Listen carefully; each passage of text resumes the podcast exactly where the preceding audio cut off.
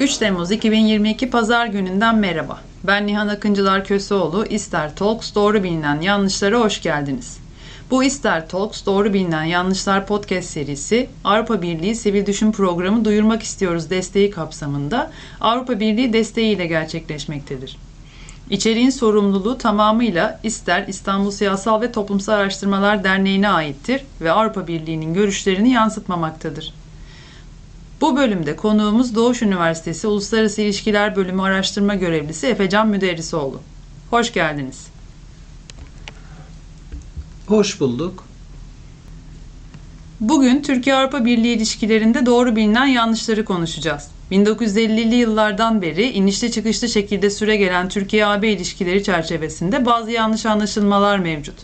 Mesela Avrupa Birliği'nin bir Hristiyan kulübü olduğu yönünde çok ciddi bir kanı var. Bu konu hakkında bize neler söylemek istersiniz? Bu iddia aslında çok büyük fikri karışıklıkların bir ürünü ve bu fikri karmaşa da büyük bir tarihselliğin sonucunda maalesef çok geniş kesimlerce çok kolayca kabul görebilmektedir. Avrupa Birliği'nin başlangıcını resmi olarak 1952 yılına kadar götürebiliriz. Türkiye'de o zamanki adıyla AET'ye yani Avrupa Ekonomik Topluluğu'na 1959 yılında başvuru yapmıştır. Bu başvuru sonucunda 1963 yılında yürürlüğe giren Ankara Anlaşması elimizde bulunmaktadır. Bunu şu anlamda söyledim. En önce Türkiye'nin iç dinamiklerine bakalım. 1963 yılında ortaklık ilişkimizin temelini oluşturan Ankara Anlaşması'ndan çok kısa bir süre sonra 1969 yılında Milli Görüş Hareketi kuruldu.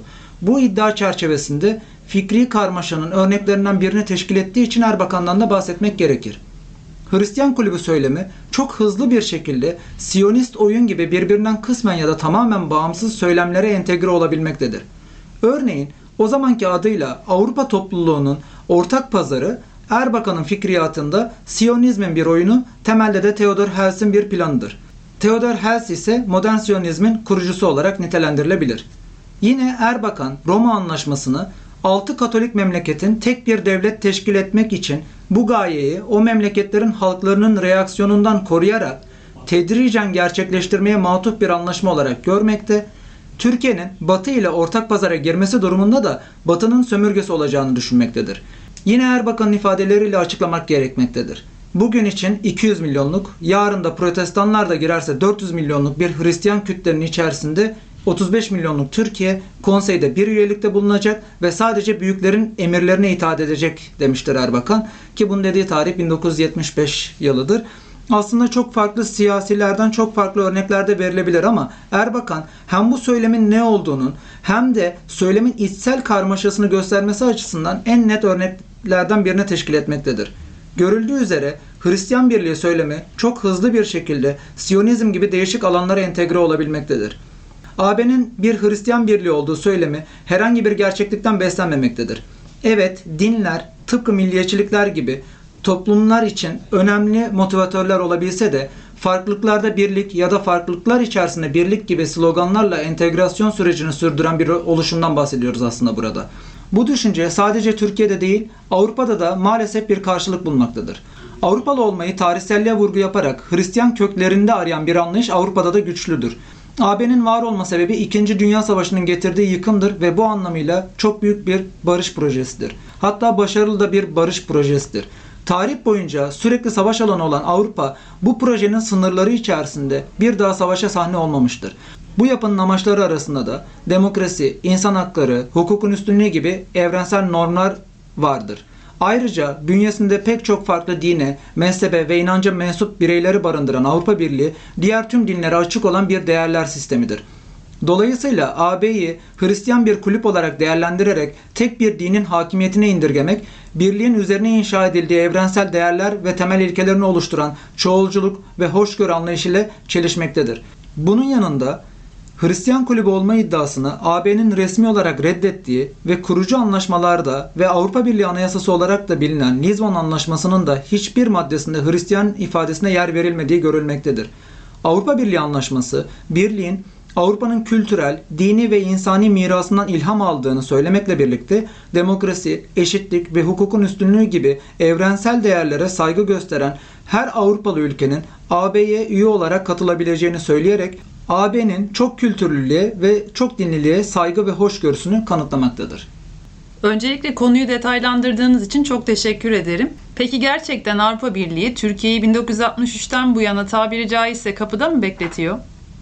Bu iddia aslında hem geçmişe dair hem de geleceğe dair tasavvurlardan oluşan bazı kardeş cümlelerle kendine var etmektedir. Şöyle ki, geçmişe yönelik tasavvurlara bakacak olursak, kardeş cümlelere bazı örnekler verilebilir. AB'nin bir Hristiyan kulübü olduğu iddiası da burada karşımıza çıkmaktadır. Yani Avrupa Birliği hasbelkader bizimle zamanında bir süreç başlattı ama süreçten de dönemiyor. Hristiyan kulübü olarak da bizi sadece oyalıyor gibi bir anlamda ilk iddia da burada karşımıza çıkmaktadır. Avrupa Birliği çalışanların en sevmediği soruların başında AB'ye üye olacak mıyız sorusu gelir ve bu soruyu soranlar genelde zaten alınmayacağımızı, zira bizi yarım asırdan fazla süredir kapıda beklettiklerini söylerler. Üye olup olmayacağımız çok fazla ihtimalin aynı anda gerçekleşmesine bağlıdır. Bu sebeple üye olup olmayacağımızı, olacaksak ne zaman olacağımızı bilemem ama Türkiye'yi kapıda bekletip bekletmediklerini ilişkilerin tarihselliğine bakarak analiz edebiliriz. İlk iddiada da belirttiğim üzere Türkiye o zamanki adıyla Avrupa Ekonomik Topluluğu'na 1959 yılında başvuru yapmış ve bu başvurunun olumlu sonuçlanması üzerine ortaklık ilişkilerimizin temelini oluşturan Ankara Anlaşması 1963 yılında yürürlüğe girmiştir. Ankara Anlaşması Türkiye'nin 3 aşamalı bir şekilde bugünkü adıyla Avrupa Birliği'ne entegrasyonunu sağlamayı amaçlamaktadır. İlk aşama olarak hazırlık aşamasının minimum 5, maksimum 10 yıl sürmesi planlanmış ve bu süreçte Türkiye'ye herhangi bir yükümlülük yüklenmemiştir. Topluluk bu aşamada tek taraflı yükümlülükler yüklenerek adeta Türkiye'ye bir jest yapmıştır. Bu aşama minimum 5 yıldan 1968'de, maksimum 10 yıldan ise 1973 yılında bitecekti Nitekim 1973 yılında katma protokolün yürürlüğe girmesiyle ikinci aşamaya geçildi. Yani planlanan sürede birinci aşama bitmiştir. İkinci aşama ise taraflara eş yükümlülükler yüklemiş ve minimum 12 yılda maksimum 22 yılda tamamlanması öngörülmüştür. Nitekim maksimum süre olan 22 yıl göz önünde bulundurulursa 1995 yılında Gümrük Birliği'nin başlamasıyla birlikte geçiş aşaması bitmiş ve nihai aşamaya geçilmiştir. Bu iki aşama maksimum sürelerinde de olsa bitmiştir. Maksimum sürelerinde bitmesinin sebepleri yalnızca Avrupa tarafına yüklenemez. Tabii ki o taraftan da sorumlulukların yerine getirilmediği dönemler olmuştur. Ancak bu iddianın sahibi Türkiye kamuoyunda olduğu için bu tarafa da bakmak gerekmektedir. Her şey bir tarafa birinci aşamada Türkiye'de bir muhtıraki 1971 yılından bahsediyorum burada. Parti kapatmaları oldu. İkinci aşamada da bir darbe ki 1980 darbesinden bahsediyorum burada. Burada hem parti kapatmaları oldu hem de siyasiler tutuklandı. Bu darbenin yarattığı insan hakları ihlalleri seneler içerisinde ortaya çıktı.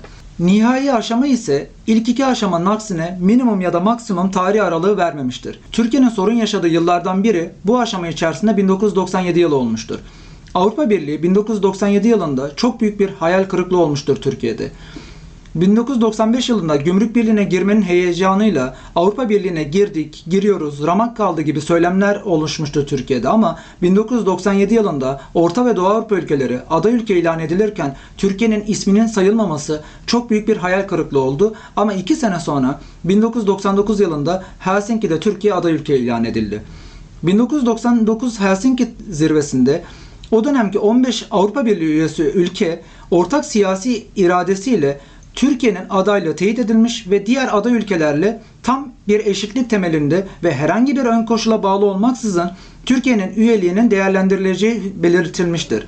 Türkiye'nin Kopenhag siyasi kriterlerini yeterli düzeyde karşıladığına ilişkin komisyon tavsiyesi üzerine 2004 yılı Aralık ayındaki Avrupa Birliği zirvesinde katılım müzakerelerinin 3 Ekim 2005 tarihine başlatılması kararlaştırılmıştır.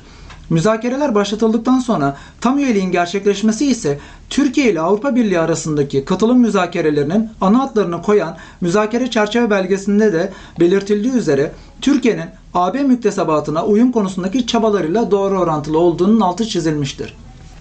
Şimdi aslında en çok merak edilen hatta az önce sizin de belirttiğiniz gibi Avrupa Birliği alanında çalışanlar için en klişe olan o konuya gelmek istiyorum. Sizce Türkiye tüm koşulları yerine getirse bile Avrupa Birliği'ne alınabilecek mi?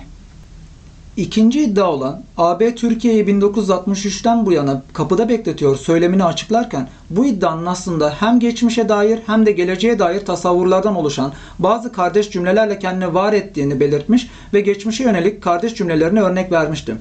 Aslında üçüncü iddia olan tüm koşulları yerine getirsek bile Avrupa Birliği bize almayacak söylemi Avrupa Birliği'nin Türkiye'yi 1963'ten bu yana kapıda bekletiyor iddiasının geleceğe dair tasavvurunu oluşturduğunu söyleyebiliriz.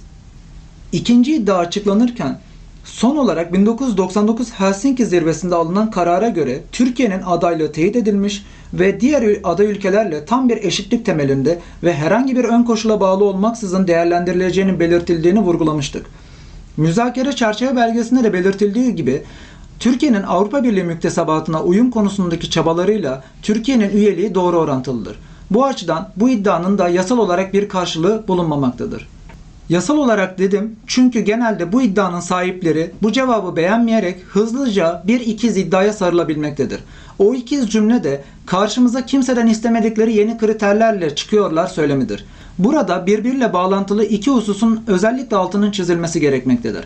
Birincisi Avrupa Birliği statik değil dinamik bir yapıdır. Sürekli öğrenen ve sürekli kendini yenileyen bir yapıdır.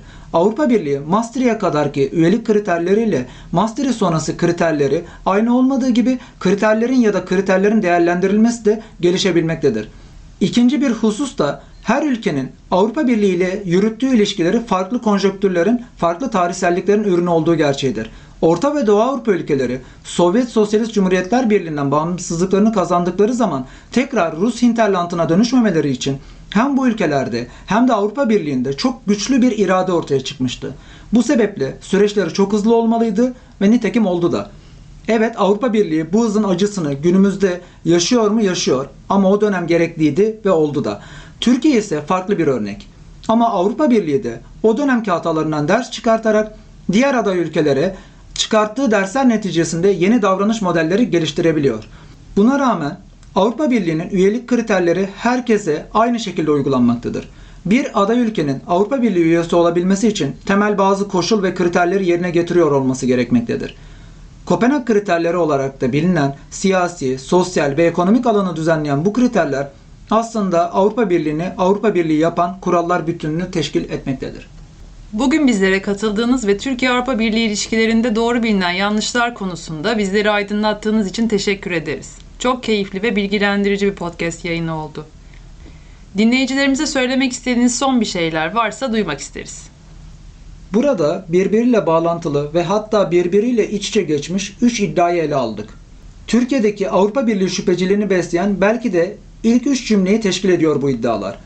Türkiye Avrupa Birliği ilişkilerine yönelik doğru bilinen yanlışlarda Türkiye'deki 3 ana Avrupa Birliği şüpheciliği söylemini de ele almamın iki temel sebebi var. Bunlardan ilki Türkiye Avrupa Birliği ilişkileri denildiğinde zaten Türkiye'yi ilk vurgulayarak Türkiye'yi öncelemiş olmamızdır. İkincisi de yayın Türkçe olacağı için zaten amacımız Türkiye'deki kamuoyunu bilgilendirmek. Bu söylemler maalesef ki sosyal hayatımızda da sıklıkla duyduğumuz cümleler.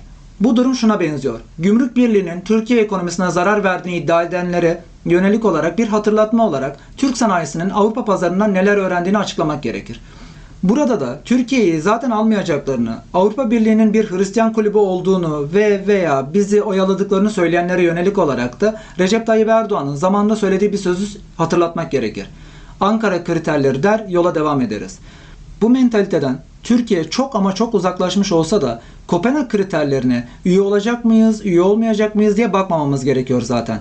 Üye yapmayacaklar ki zaten dediğiniz anda Kopenhag kriterlerini içselleştirmediğinizi, sadece üyelik alabilmek için uyum paketleriyle sadece yasalarınıza adeta kopyala yapıştır yaptığınızı bağırmış oluyorsunuz demektir. E siz bunu yaparsanız, siz bu şekilde bağırırsanız Avrupa Birliği de dinamik bir yapı olarak çıkar ve der ki bunu içselleştirmenizi de bekliyorum. Son olarak iki hususun altını çizmem gerekir. Birincisi Avrupa Birliği çalışanlar için İktisadi Kalkınma Vakfı'nın yayınlarını tavsiye ederim ki şiddetle tavsiye ederim. İkincisi de belki de bu doğru bilinen yanlışlar podcast'ini şu şekilde sloganlaştırabiliriz. Kopenhag kriterleri üyelik için değil herkes için gereklidir. Çok teşekkürler.